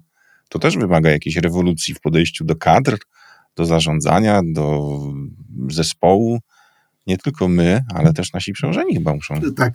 trochę się pouczyć. Czasy y, powtarzania dziesięciu takich jak ty czeka za bramą zakładu odeszły na zawsze i to na, na dwa możliwe sposoby. To znaczy, nie będzie już czegoś takiego jak dziesięciu takich jak ty, bo, bo każde stanowisko będzie trochę inne i będzie miało trochę inną, inną specyfikę. Więc de, de, de facto trzeba będzie żonglować tymi specyfikami, dopasowując do już do, w tym momencie dostępnych zasobów i tych ludzi, których można ewentualnie zrekrutować, myśleć na zaś, w jaki sposób kształcić ludzi. To będzie niesamowite y, y, wyzwanie dla, dla właśnie dla, dla zarządzania, dla kadr y, i tak naprawdę każdych kadr menedżerskich, od, od samego dołu do samej góry, żeby to, żeby sprostać tym wyzwaniom. Po prostu kto, kto nie będzie w stanie tego robić, będzie miał wysoką rotację, będzie miał niskie morale pracowników, e, e, będzie miał pracowników, którzy będą e, tracili, jeśli chodzi o wartość, w sensie takim, że będą niewystarczająco szybko zdobywali nowe kompetencje. Więc na, na wielu poziomach ta organizacja, która nie będzie w stanie tego y, y, się nauczyć, przede wszystkim mówię tutaj właśnie o kompetencjach menedżerskich, jak zarządzać takim, e, takim spe- specyficznym środowiskiem, po prostu będzie skazana na, na, na, na, na, mm, coraz większe problemy z, y, z kadrami coraz większe problemy tak naprawdę na każdym szczeblu, nie wiem, z jakością produktów, y, z innowacyjnością swoich y, nowych rozwiązań i tak dalej, i tak dalej, i tak dalej. To, to, to, jest, to, to są niezwykle, niezwykle ciekawe czasy, czasy przed nami i wszyscy mają sporo, sporo roboty. Ja się cieszę, że właśnie moim zdaniem, moim zdaniem to, to, to jest absolutna tektoniczna zmiana, jeśli chodzi o e, menedżerów, bo y, uważam, że do niedawna menedżerowie w Polsce byli na e, zaskakująco niskim poziomie, jeśli chodzi o kompetencje. W ogóle taką elementarną świadomość tego, jak zarządzać zespołem. No, no to, że, że, że jak rozmawiałem z ludźmi, czy, czy, czy wasi szefowie znali tą elementarną prawdę, że jeżeli się kogoś chwali, to się go chwali publicznie, dlatego że to podbija morale całego zespołu i pokazuje, że ktoś zwraca uwagę, docenia i tak dalej. Najlepiej jeszcze podając kryteria, dlaczego chwalimy tą osobę, tak? za, za co ona jest chwalona konkretnie, a nie tak po prostu, że Marek jest, czy, czy, czy Piotrek jest świetny. E, e, a jeżeli kogoś ganimy, bo nie dopiął czegoś, nie, nie dopilnował, zawalił, no różne, różne rzeczy się wydarzyły złe, to robimy to wyłącznie prywatnie, dlatego że inaczej to jest piętnowanie takiej osoby i fa fatalnie wpływa na morale zespołu. Okazuje się, że A nie na, a nie na mailu z, z setką osób w DW, prawda? Dokładnie tak. I to, I to jest rzecz, która, której doświadcza większość polskich pracowników w dalszym ciągu. To znaczy, że ich szefowie nie znają absolutnie, nie wiem, rzeczy, których można przeczytać na, na pierwszych trzech, czterech, pięciu stronach podręcznika do zarządzania. Więc jest ogromna robota do wykonania, jeśli chodzi o, e, o kadrę zarządczą e, e, w firmach. E, I to będzie pod presją właśnie po prostu czystej e, takiej ekonomii. Znaczy, ludzie będą odchodzić e, do tych, którzy potrafią to robić lepiej. Moja była szefowa, pr- przeszła do firmy IT, nie mając nic wspólnego nigdy w, z IT, ale jest właśnie wykształ- z wykształcenia androgogiem, czyli osobą kształcącą dorosłych. I ona tam właśnie odpowiada za kształcenie zespołu jakiegoś, jakiejś grupy programistów, ale też e, e, dba o komunikację tego zespołu wewnątrz i na zewnątrz. e, Nie wiem, e, dba o to, żeby oni potrafili wyrazić swoje potrzeby dlatego że są pewne zaniedbania, jeśli chodzi o kompetencje miękkie, i ona właśnie jest tą osobą, która ma e, znajdywać te braki, te deficyty, angażować się tam, być może poprawiać niektóre, niektóre te deficyty, ale być też takim tłumaczem trochę, e, można powiedzieć, dla, dla świata, e, tych potrzeb tego, tego zespołu, który tworzy taką bardzo specyficzną kulturę, żargon i tak dalej, i tak dalej. Ja, ja podam taki przykład. e, Mówiliście o swoich koleżankach, ja powiem o swojej koleżance, która miała taki problem z szefową, która oceniała cały dzień pracy, czy całą pracę, tylko była praca zdalna z uwagi na pandemię. Wewnętrzny komunikator, zielone światełko. Jeżeli było zielone światełko o 8.00, wszystko fantastyczne. Ktoś mógł w ogóle się nawet nie odezwać w ciągu dnia, ale jeżeli ktoś o 8.10 miał szare światełko, chociaż w tym czasie wykonywał jakieś nie, niebywałe obowiązki, zaraz na dywanik, czyli zarządzanie zespołem z takiego zupełnie prymitywnego, technologicznego punktu widzenia, no to też będzie się musiało się skończyć. Także oceniamy kogoś tylko z perspektywy tego, czy ma zielone światełko przy komunikatorze, tak? A, a to, to jednak jest znacznie większe wyzwanie też dla takich osób, które mają, ma, mają dzisiaj dość mało do czynienia z technologią, bo ta pandemia wymusiła na wszystkich, prawda, żebyśmy bez względu na to, co robimy, nagle zaczęli zarządzać zdalnie. I wydaje mi się, że wielu, wiele firm, wiele, wiele podmiotów musi się jednak tego nauczyć na znacznie wyższym poziomie. Co to znaczy praca zdalna, zarządzanie zespołem, e, praca hybrydowa, to chyba z nami już te, też pozostaje. Zgadza się, to, to jest jak, jak najbardziej doświadczenie takie, które mm, y, może nie, nie, nie, nie, sta, nie sprawiło tego, czego, y, co niektórzy prognozowali, że właściwie biura się skończą, bo wszyscy będą już teraz pracować w domu, albo zdecydowana większość ludzi, którzy mogą pracować w domu, będzie pracować w domu. To się nie stało, to się zaczyna y, bardzo wyraźnie odwracać, e, a odwraca się dlatego, że po prostu nie działa że z jednej strony trochę pracownicy narzekają e, na brak kontaktu z ludźmi e, i e, kuleje komunikacja, której się nie uczymy, nie potrafimy się też, nie, zawsze dostajemy wsparcie w zakresie takich umiejętności komunikacyjnych w ramach naszych organizacji. E, ale też e, no, na przykład kuleje jakaś innowacyjność. No, jak, jak w Stanach jest takie określenie e, water, water cooler talks, czyli spotkania przy tej, tym miejscu, gdzie można wodę pobrać, tak, chłodną wodę do picia do kubeczka. E, e, z, z tych butli pięciogalonowych, e, które są na, także już w wielu polskich Spotkania biurach. przy dystrybutorze, tak, tak jest, tak jest. Pięknie to brzmi. Kiedyś to było po prostu spotkania na kawce i tak. oczywiście to tępione jako, jako czas bezproduktywny i, i, i szkodliwy dla, dla produktywności czy, czy jakości pracy poszczególnych pracowników, ale okazuje się, że on jest spoiwem społecznym tam się wymieniają plotki, ale to nie tylko są plotki, że Jasiek zdradził Mariolę, ale też plotki, że jest nowy projekt, albo nowy produkt, albo gdzieś jest coś utknęło, jest jakiś, jakiś, jakiś problem i nagle się okazuje, że na przykład ktoś wie, jak ten problem rozwiązać albo y, y, y, ktoś ma pomysł, jak można pożenić jakieś dwie koncepcje, które firma w dwóch swoich częściach e, robi osobno i one by świetnie razem zadziałały. Jakby bez tej, bez tego właśnie takiej okazji do tego, żeby wymienić się e, swobodnie takimi e, myślami, jakby tracony jest ten, ten, ten rodzaj takiego z jednej strony kapitału, można powiedzieć, komunikacyjnego i know-how, ale z drugiej strony też takiego spoiwa społecznego w ramach firm. Więc stąd ten częściowo ten odwrót od właśnie tej e, pracy e, czysto, czysto w okienkach e, naszych, naszych laptopów, a to, że niektórzy szefowie zarządzają poprzez po prostu takie prymitywne kontrolowanie, nie wiem, ruchu myszką czy, czy, czy, czy klawiatury. No przecież natychmiast w pandemii, jak były lockdowny, pojawiły się programy, które ruszają myszką wirtualnie, to znaczy wpinamy ten program i on udaje, że myszka się rusza. My nie musimy niczego robić i y, wciskają na przykład, wrzucamy jakiś fragment tekstu i jakby klawiatura będzie udawała, że, że, że pisze sama ten tekst. Ja, ja przyznam się do tego, że przed wieloma, wieloma, wieloma laty na pulpicie swojego komputera ustawiłem film, który coś produkował zamiast mnie. No, każdy, kto ma ząbkujące dziecko i śpi po dwie godziny dziennie, myślę, że mnie rozgrzeszy z tego szatańskiego pomysłu, ale faktycznie ktoś, kto przychodził obok, widział, że ja intensywnie pracuję, a był to półgodzinny, zapętlony film. Mhm. Więc y, y, musimy odejść od takiej formuły, przejść trochę w, w stronę sensownego zarządzania, znaczy być w stanie wskazać tak naprawdę na czym zależy szefowi, Y, w pracy danego pracownika, jak zmierzyć efekty tej pracy, e, y, nauczyć ludzi trochę takiej samokontroli. Y, wielu ludzi z branży IT mówi, że to jest jeden z ważniejszych czynników i takich wartości e, cennych pracowników. Umiejętność samodzielnego wyznaczania sobie celów, planów i ich realizacji, bez żadnego nadzoru. To jest rzadkie i to jest też umiejętność, której e, brakuje nam w, po opuszczeniu murów szkoły czy uczelni wyższej, i którą możemy w jakiś sposób wykształcić e, u, u siebie drogą jakichś ćwiczeń, czy, czy, czy e, w ogóle jakiejś takiej samorefleksji.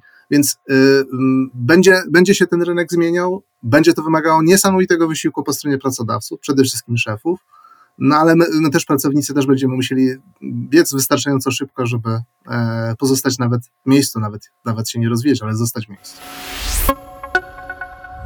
Technoterapia. Technologia bliżej Ciebie. Porozmawiajmy teraz o tym, jakie zawody przyszłości będą potrzebne. E, nie musimy się jakoś szczególnie bawić w jasnowidzów.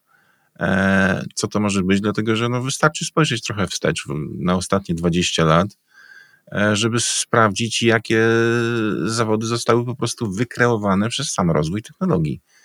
E, jakich zawodów albo nie było, albo one były jakieś takie raczkujące, eksperymentalne. No to nie chodzi o to, żeby teraz ktoś nas złapał na jakimś przykładzie i powiedział, o nie, w 83 było takie trzy stanowiska. No na przykład web developer, tak, czyli no nie było internetu, nie było y, stron internetowych, nie było takich narzędzi jak CMS służący do wprowadzania treści, nie było sklepów online i całych tych narzędzi związanych z bazami danych, z analityką. E, to jest wytwór dwóch ostatnich e, dekad czy trzech. User experience, ten UX designer. E, może niewielu, jeżeli się nie interesuje taką technologią, to, to, to, to zna, ale na pewno korzysta z, z owoców pracy takiego specjalisty, bo to jest człowiek, który po prostu bada interfejs serwisu, aplikacji, tak? czy, czy to, co klikamy, na co patrzymy, czy ten efektem tego jest to, że na przykład jeden serwis e, VOD nas irytuje swoim interfejsem, a drugi mówimy, o jaki intuicyjny, jak ja rozumiem, nie? E, tak, specjaliści od SEO, czyli też analitycy, którzy sprawdzają, co się klika, co się szuka, E, dopóki nie było wyszukiwarek i silników, to nie było takiej potrzeby, ani nawet możliwości. Moglibyśmy długo wymieniać, no nie wiem, choćby specjalistów o social media, ich nie było przed 2004 rokiem, mieli niewiele do robienia, no bo Mark Zuckerberg, e, dobrze, nie będę analizował, czy on to wymyślił, czy przejął, nieważne, ale nie było tego. I teraz nowych nazw, nowych zawodów jest jeszcze więcej. Inżynier chmury, backend, frontend, developer, E, programiści się śmieją, bo wiedzą, co to znaczy, ale zwykły człowiek, taki szary, pewnie nie wie. E, specjalista od rzeczywistości rozszerzonej, AR, jakiś futurystyczny zawód, a on się przecież tworzy. E, YouTuber, TikToker, no wielu się będzie śmiało, są ludzie, którzy z tego żyją. To jak Dalej żyją, moglibyśmy Robert? wymieniać. Wyciekła lista, wyciekła lista, ile zarabiają. no. Tyle powiem. Dobrze. Sowicie. Tak, y, tak, dokładnie. No, wiele z tych zawodów to są zawody świetnie opłacane, specjalistyczne. A to już są zawody teraźniejszości, prawda? Kogo to możemy zawody potrzebować? teraźniejszości tak naprawdę. Y, Tak. Czy przyszłości, czy jednocześnie? Tak, to są zawody teraźniejszości. Tak, ale my będziemy przy, potrzebować kogoś, tak, w przyszłości, czyli opierając się na tej logice, czy, czyli no, sprawdziliśmy kogo nie było. Teraz już wiemy, kto jest takich, wciąż nam się wydaje to jakieś nowatorskie, no to kogo możemy potrzebować? E, czyli mechanik samochodów autonomicznych, tak? No, będzie to jakaś specjalizacja, bo te samochody będą no już nie tylko panie ściąga mnie w lewo, bo coś skołem, tylko panie ściąga mnie w lewo, bo coś tam z tym programowaniem się stało, albo e, z interfejsem jakimś użytkownika. E, specjalista do spraw transportu autonomicznego. No a dlaczego nie, skoro widzimy na tych wszystkich wizualizacjach od dekady, te samochody, autobusy, tak, już na niektórych dworcach są, one zaraz wjadą na ulicę miast, no będzie potrzebny ktoś, kto będzie umiał tym zarządzać. E, etyk sztucznej inteligencji, no na co może? E, przecież wielu naukowców już apeluje nawet, żeby tą sztuczną inteligencję jakoś temperować, bo ona może być zbyt potężna. E, specjalista do spraw inteligentnych implantów, no pojawiają się już takie doświadczenia. Tak, ale no, Elon Musk Szczepy. pracuje nad koronką neuralną. Tak, szczepy, które mają nasz integrować korę mózgową z komputerem. No on przecież tworzy nowy interfejs. Mówimy o tym, że interfejs myszka, klawiatura kiedyś do przeszłości przejdzie, e, czy, czy ekran dotykowy będzie nowy.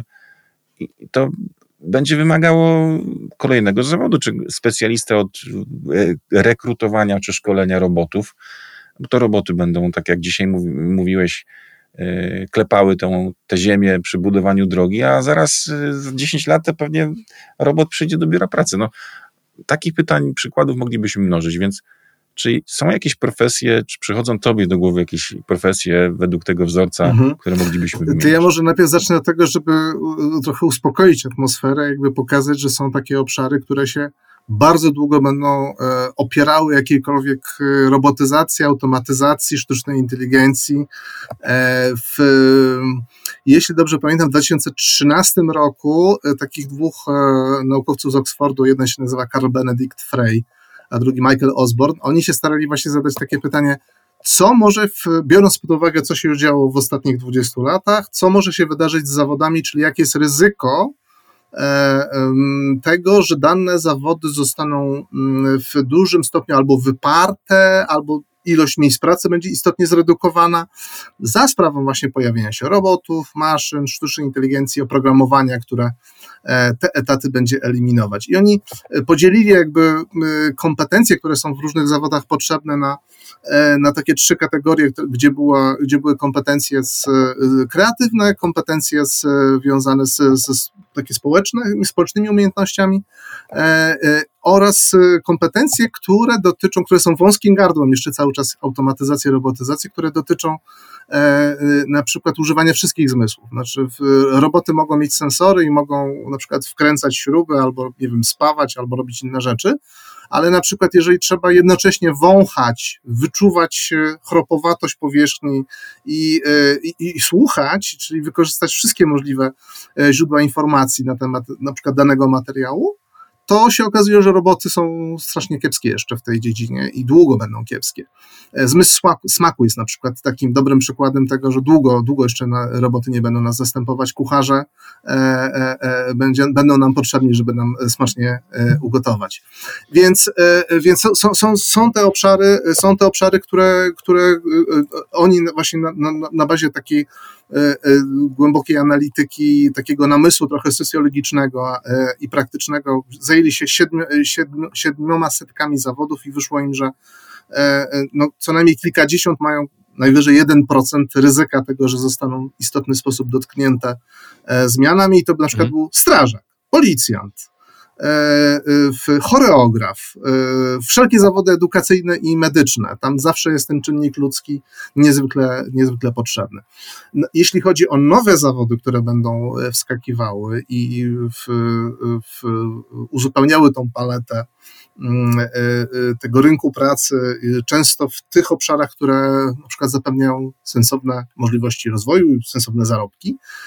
Tutaj jest, y, y, możemy tylko w pewnym takim, na dużym poziomie ogólności starać e, pewne rzeczy prognozować. Znaczy, będzie tak, z jednej strony możemy mówić o tym, że coraz więcej jest danych więc coraz bardziej e, potrzebna będzie analiza danych, różnego rodzaju danych. A przez człowieka właśnie? Tak, tak. Są programy analityczne, są Aha. programy analityczne jak najbardziej i pewne podstawowe, nie wiem, elementy statystyczne będą nam oczywiście robić, wypluwać algorytmy. Ale sens e, zaprogramować maszynę, żeby uchwyciła sens pewnych danych i pewnych zależności, korelacji i tak dalej, to będzie niezwykle trudne do zaprogramowania i dalej będzie potrzebny człowiek. Nawet w tym badaniu, które wspominałem, tych e, dwóch e, e, panów z Oxfordu, pojawia się nagle właśnie w tych zawodach trudnych do usunięcia analityk systemów komputerowych i analityk baz danych, dlatego że no, potrzebna jest inteligencja i kreatywność człowieka, żeby rozumieć kontekst i, i na przykład dostrzec, co jest anomalią, pośród danych, że trzeba tu raczej spojrzeć, na, czy, czy, czy to nie jest zakłócenie jakieś, które wpłynęło. Więc y, analiza danych dalej y, y, będzie coraz i coraz bardziej potrzebna. E, w tak, takim ogólnym, można powiedzieć, zarysie w różnych bardzo zawodach, bo to będzie dotyczyło zarówno zawodów związanych, nie wiem, z mediami, z edukacją, z usługami, które są realizowane przez drogą online, przy produkcji e, jest od cholery przepraszam, danych, które są wypluwane przez sensory, przez systemy i potrzeba sprawnego intelektualnie człowieka, który rozumie na przykład problemy inżynieryjne, żeby, żeby był w stanie z, z tego gąszcza wydobyć rzeczy, które są tak naprawdę istotne. Więc to jest jakby jeden obszar. Ja myślę, że będzie coraz więcej mm, też takiej dziedziny mm, współpracy maszyn, e, w sensie robotów czy, czy linii technologicznych i żywych ludzi. Bo te obszary, które można było już na przykład w całości zrzucić na maszynę, że jest linia technologiczna i jakieś ramiona się wysuwają i spawają coś, potem skręcają i tak dalej, to już mamy obcykane od, od kilkudziesięciu lat de facto. E, e, żeby roboty mogły wejść głębiej na przykład do sfery produkcyjnej, to muszą wejść w takie obszary, gdzie roboty współpracują na co dzień, w każdym momencie pracy z ludźmi. Robot coś przenosi ciężkiego na przykład, a człowiek robi różne rzeczy wymagające delikatności, właśnie użycia wszystkich, wszystkich zmysłów. Więc będą zyskiwać na wartości zawody, które są związane z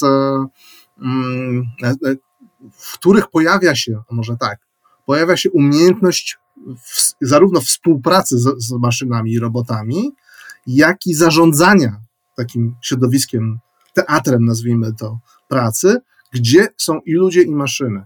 Jakby to jest też taki obszar, który się będzie ro, e, e, pojawił. Koboty. Ko, koboty to jest taki termin właśnie na robota, mhm. który miesza się, z, nazwijmy to, z ludźmi, e, e, wykonując pewne, e, pewną część obowiązków, która, którą lepiej wykona maszyna. Więc e, są takie sfery, które możemy, możemy wskazać, ale ja się nie podejmuję do tego, żeby strzelać na przykład jakichś nazw zawodów, bo to jest świetna, świetna metoda do tego, żeby się trochę wygłupić. Tak, i za parę lat, za parę lat byśmy ci przypomnieli.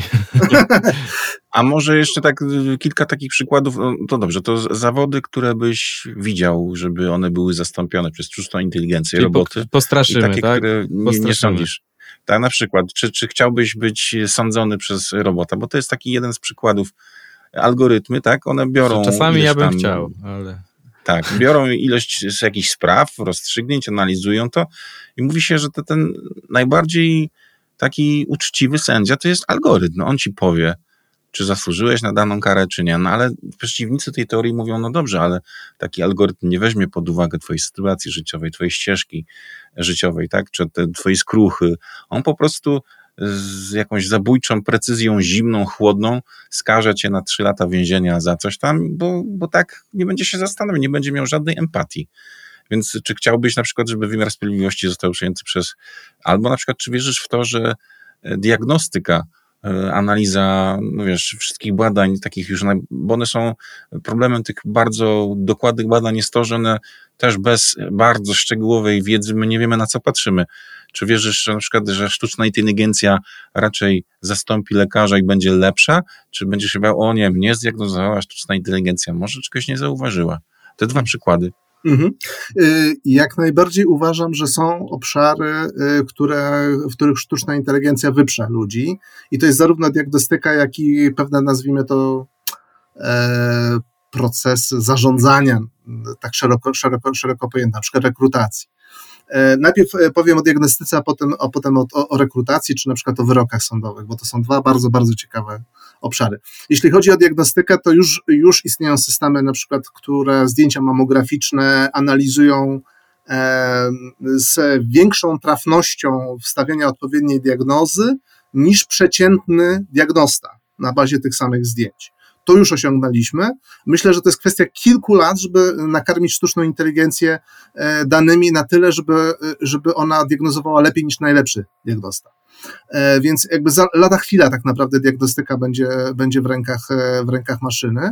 I to jest dobra wiadomość, dlatego że, że okazuje się, że po prostu maszyna się rzadziej, rzadziej myli. Maszyna nie jest zmęczona. Owszem, zawsze trzeba będzie brać pod uwagę, zawsze gdzieś może nastąpić techniczny błąd, albo ludzki błąd przy użyciu danej maszyny, więc... E, no, tak, ale ta maszyna może całą dobę analizować dane, i, a, nie, a lekarz tego drugie, nie zrobi. Drugi obszar to na przykład praca serca. Ja wiem, że, że nawet e, są polskie firmy, które e, prowadzą diagnostykę pracy, pracy serca, nakłada się odpowiednie czynniki, które do komórki wręcz przesyłają informacje o tym, jak pracuje nasze serce i to ten zapis jest przesyłany przez internet do odpowiedniego serwera, którym program analizuje i szuka nieprawidłowości.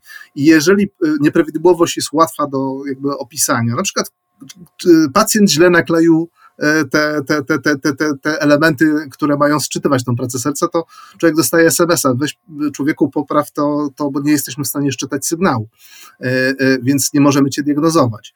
Natomiast jeżeli na przykład jest podejrzenie, że coś jest nie halo, coś wymaga uwagi, to oprócz tego, że już jest wstępna diagnoza, to e, obraz pracy serca jest wysyłany do specjalisty, do kardiologa. I kardiolog widzi. Czyli możemy w ten sposób uniknąć, nie wiem, zawału, udaru, takie wczesne sygnały, mogą, może to ratować życie. Tak, tak. I możemy jakby w, w pewnym sensie to jest jakby, wydaje mi się, że to jest właśnie ta, ta, ta, ta droga przyszłości, czyli dalej będą potrzebni ludzie i specjaliści z danej dziedziny, jeśli chodzi o diagnostykę, ale oni będą mniej obciążeni dlatego że będą wybierani do przypadków, które wymagają ich e, takiego aktywnego zaangażowania, a nie do wszystkich zdjęć. Tak? Czyli lekarz nie będzie stał nad nami sprawdzał tego OKG, czy to faktycznie jest zawał, tylko robot mu to powie. O, tutaj się Robot dzieje. powie, na tego pacjenta trzeba zwrócić uwagę. E, e, Albo na, ten pacjent źle założył aparaturę, czy zdjęcie zostało źle zrobione, więc trzeba powtórzyć e, badanie. Więc jakby wyeliminuje tę większość przypadków, które nie wymaga tak naprawdę uwagi specjalisty i pozwoli tym specjalistom skupić tą uwagę na tych pacjentach, którzy szczególnie potrzebują mm, właściwego takiego podejścia i doświadczenia e, żywego człowieka. To jest jeden obszar. Drugi obszar to będą właśnie kwestie zarządzania. Jeżeli y, używamy sztucznej inteligencji, która bazuje na tym, jak przeprowadza duża firma rekrutacyjna rekrutację i y, karmimy, każemy tej, tej sztucznej inteligencji się nauczyć e, kryteriów, w jakich my podejmujemy decyzje, bardzo często się okaże, że e, e, maszyna będzie od tej pory rekrutowała stosując uprzedzenia. Dlatego, że nauczy się uprzedzeń od nas. Zauważy, że na przykład dyskry- dyskryminujemy kobiety, dyskryminujemy osoby nie wiem, z mniejszości etnicznych, e, dyskryminujemy osoby starsze, czy, w jaki, czy będzie masa, masa dyskryminacji, dlatego że algorytm y, y, uczący się na bazie tego, jak jest praktyka wykonywania pewnego, pewnej selekcji, y, nauczy się wszystkich złych rzeczy, które, które robimy. Dobra wiadomość jest taka, że można je dzięki temu wykryć i wyeliminować i można rzeczywiście stworzyć system, e, który będzie dokonywał takiej selekcji e, bez e, niepotrzebnych uprzedzeń. I to samo tyczy się sędziów. I gdybyśmy nauczyli po prostu, bo były takie eksperymenty, jeżeli wprowadzimy, damy e, maszynie do, do, dyspozycji podstawowe dane o, o, o, osobach, które się starają o przedterminowe zwolnienie, elementarne rzeczy, tak, y, ich sprawowanie, w, ocena ich sprawowania w, do tej pory w zakładzie e, karnym, y, wiek, y, takie podstawowe, można powiedzieć, trochę biograficzne informacje. Okazuje się, że maszyna to zrobi lepiej niż sędzia, dlatego że sędzia jest uprzedzony na przykład do tatuażu, które są na, na twarzy czy w widocznych miejscach danego więźnia, do tego, w jaki sposób on patrzy, e, czyli jak, w jaki sposób e, się komunikuje z światem zewnętrznym. I okazuje się, że jeżeli damy, mm, decyzję maszynie, to jest mniejsze, mniejsze prawdopodobieństwo recydywy, czyli maszyna to zrobi lepiej. Ja czytałem o bardzo ciekawych badaniach na ten temat. Y, Przebadano wyroki przed lunchem i po lunchu i okazało się, że zdecydowana ilość wyroków wskazujących zapadała przed lunchem. Każdy, kto studiował, wie, że najgorszy moment na egzamin ustny to jest tuż przed przerwą na- obiadową u profesora, dlatego że można być błyskawicznie oblany e, e, na, na, na pierwszej, pierwszej wpadce, więc jakby my ludzie jesteśmy e, obciążeni różnymi wadami i maszyny mogą nam w różnych obszarach pomagać tutaj e, dokonywać e, e, pewnych decyzji e, e, e, e, w, w, czy pewnej analizy lepiej niż e, robimy to sami. Więc ja myślę, e, wracając jednak do pytania, bo było pytanie o to, jakie zawody będą znikały zupełnie. E, e, Ja myślę, że tutaj e, owszem, są takie, takie zawody, które znikły zupełnie, jak zecer, albo nie wiem, ktoś, kto się zajmuje, repasażem rajstop. E, Nikt już nie naprawia rajstop w dzisiejszych czasach, tak? No ale niektóre zawody tak naprawdę nie znikły, tylko zmieniły trochę swój charakter, jak na przykład kowal. Kowalstwo dzisiaj jest bardziej zawodem artystycznym, bardziej na zamówienie. Trochę zmieniło niszę. To już nie jest e, bardzo potrzebna, potrzebny fach, który jest takim jakby fundamentem gospodarki, tylko bardzo niszowa, bardzo specyficzne rzemiosło. I z wieloma zawodami też tak może, może się dziać, że one, one wejdą w pewne nisze, gdzie dalej będą funkcjonować. Być może w e, trochę innym charakterze, właśnie e, na specjalne zamówienia, z bardziej e, takim charakterem artystycznym działania. W, a w innych po prostu pojawią się, pojawią się dodatkowe narzędzia, które w istotny sposób zmienią naszą pracę. No, księg, księgowi to kiedyś siedzieli w papierach, teraz siedzą przy, przy Excelach, tak? Jak się zapyta mm, na dowolnej konferencji, to jest moja ulubiona zabawa, pytam się ludzi, czy gdyby wziąć kogoś e, e, sprzed 30 lat i kazać mu wykonywać waszą pracę, czy byłby w stanie to zrobić? Jak, ile potrzebowałby się uczyć? E, e, e, e, Jak, jak, jakie jest prawdopodobieństwo takiego zdarzenia? No i przeważnie się okazuje, że dwie trzecie ludzi na sali mówi, że no nie, osoba sprzed 30 lat w ogóle nie, nie na przykład nigdy nie pracowała na, na, na programie, w programie komputerowym, albo jeżeli pr- pracowała, to on ma się nijak do tego, co my robimy tutaj teraz. I tak jest w bardzo, bardzo wielu zawodach. Ja myślę, że, że raczej w tą stronę to będzie, będzie przebiegało. Natomiast przewidzenie dokładnych, wskazanie dokładnych zawodów, które znikną, można też na bazie na przykład różnych analiz, które choćby ci goście z Oxfordu, o których wspomniałem, mówili, oni na przykład zwracali uwagę na, na co jest łatwe do zalgorytmizowania, i co jest łatwe do zautomatyzowania. Tak, co, jeżeli się popatrzy, y, to co jest ciekawe, y, podstawowi nie wiem, media workerzy, moim zdaniem, do wycięcia. E, algorytmy, przynajmniej w języku angielskim, już teraz są w stanie pisać y, informacje o pogodzie, o sporcie, o giełdzie, o takich podstawowych rzeczach. Łatwo to. Co, Robert, drżysz trochę o giełdzie, o giełdzie news, newsy o podwyżce stóp procentowych. To już. To na koniec Postrasz mnie, postrasz Daniela, wszystkich kolegów z branży. Wyobrażasz sobie, że za jakiś czas Adam Glapiński, wybrany na piątą kadencję, wychodzi i obwieszcza wysokość stóp procentowych, a zamiast mnie tego newsa e, z cytatem pisze algorytm, tak? Adam Glapiński ogłosił to i tamto. E, nawet cytuję poprzednią e, jego wypowiedź i wysokość tak. Skoro i przy okazji załatwi zlecenia na fotowoltaikę. Wyobrażasz sobie takie coś? Ja uważam, że to jest e, nieuchronne, dlatego że to się da, e, pewne podstawowe komunikaty w mediach da się e, opisać, oskryptować i skrypty będą to robić szybciej. Na początku pewnie będzie, będą, będzie sporo wpadek, ale to szybko da się, da, da się poprawić, da, da się załatać. Nawet język polski prędzej czy później ulegnie E, e, właśnie tej presji e, algorytmizacji, stosowania jakiejś sztucznej inteligencji, po prostu oskryptowania pewnych, pewnych działań. I myślę, że będzie więcej takich obszarów. Jest dwie trzecie naszej gospodarki, jeśli chodzi o miejsca pracy, to są usługi. I myślę, że, że, że w nadchodzących dekadach możemy się spodziewać, że, że będą te zawody znikać właśnie w sektorze nawet bardziej usług niż zawodach produkcyjnych. E, wspomniałeś o fotowoltaice. E, jak najbardziej teraz e, telemarketing to dziedzina coraz bardziej zdominowana przez boty. I myślę, że, że to też jest jeden z takich trendów, gdzie już nie będzie żywych ludzi ze słuchawkami, albo będzie ich o wiele mniej potrzeba, żeby wykonać pewną określoną robotę, bo zrobią to boty. To samo komunikacja taka korporacyjna, jeśli chodzi o takie helpdeski. E, znamy to z, ze stron banków na przykład. E, to, to jak najbardziej będzie e, tylko i wyłącznie się rozrastało i, w, i, i wchodziło po prostu w nowe, w nowe obszary, gdzie stanie się to dostępne, opłacalne i użyteczne dla, dla firm i, i, i ostatecznie też konsumentów, klientów, partnerów w, którzy e, z danej strony internetowej czy danego rozwiązania korzystają.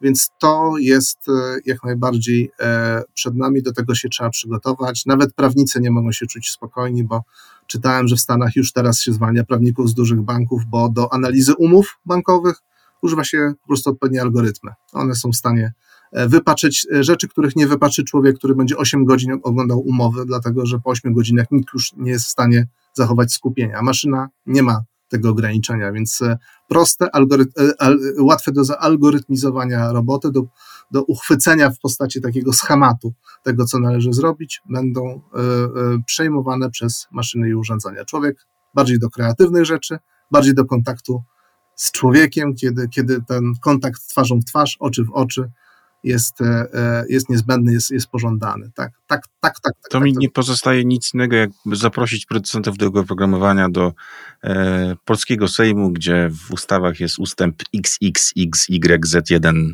e, łamane na dwa, także niech analizuje, co jest w tych ustępach. No także, także Robert, nad, nad nami wisi mierz Damoklesa, ale jakoś będziemy dzielnie walczyć, żebyśmy byli ciągle y, istotni z punktu widzenia rynku pracy i oczywiście y, zachęcamy też naszych słuchaczy do, do rozwijania się, do szukania tych ścieżek edukacji też często poza, poza, poza tą edukacją uniwersytecką czy nawet techniczną. Nawet jeżeli te rzeczy nam się nie przydadzą w codziennej pracy, to nadal będą po prostu niektóre skille, umiejętności po prostu warto mieć, e, e, warto się uczyć, bo to też jakby e, sprawia, że podobno dłużej jesteśmy młodzi. Zgadza się. Tak, i warto, warto być otwartym na wyzwania, to chyba taka Tak jest, moja rada. tutaj takim badałem na koniec poleciałem, ale myślę, że takim dosyć jednak s- takim prawdziwym i, i, i sprawdzonym. Naszym gościem e, był dzisiaj Łukasz Komuda, ekspert rynku pracy, a także członek Rady Orange Digital Center, nowego programu Fundacji Orange, który skupia bezpłatne projekty rozwijające kompetencje przyszłości. Dzięki serdeczne Łukasz e, za Twoją obecność, e, za rozmowę. Dzięki Robert, e, dziękujemy też naszym słuchaczom. Zachęcamy Was oczywiście do subskrybowania Technoterapii na wszystkich platformach streamingowych. Co dwa tygodnie jesteśmy też na gazeta.pl. Do usłyszenia. Do usłyszenia. Do usłyszenia, kłaniam się nisko. Technoterapia. Rozmowy o technologii, biznesie i nauce. Nie tylko na serio. Partnerem podcastu był Orange Polska.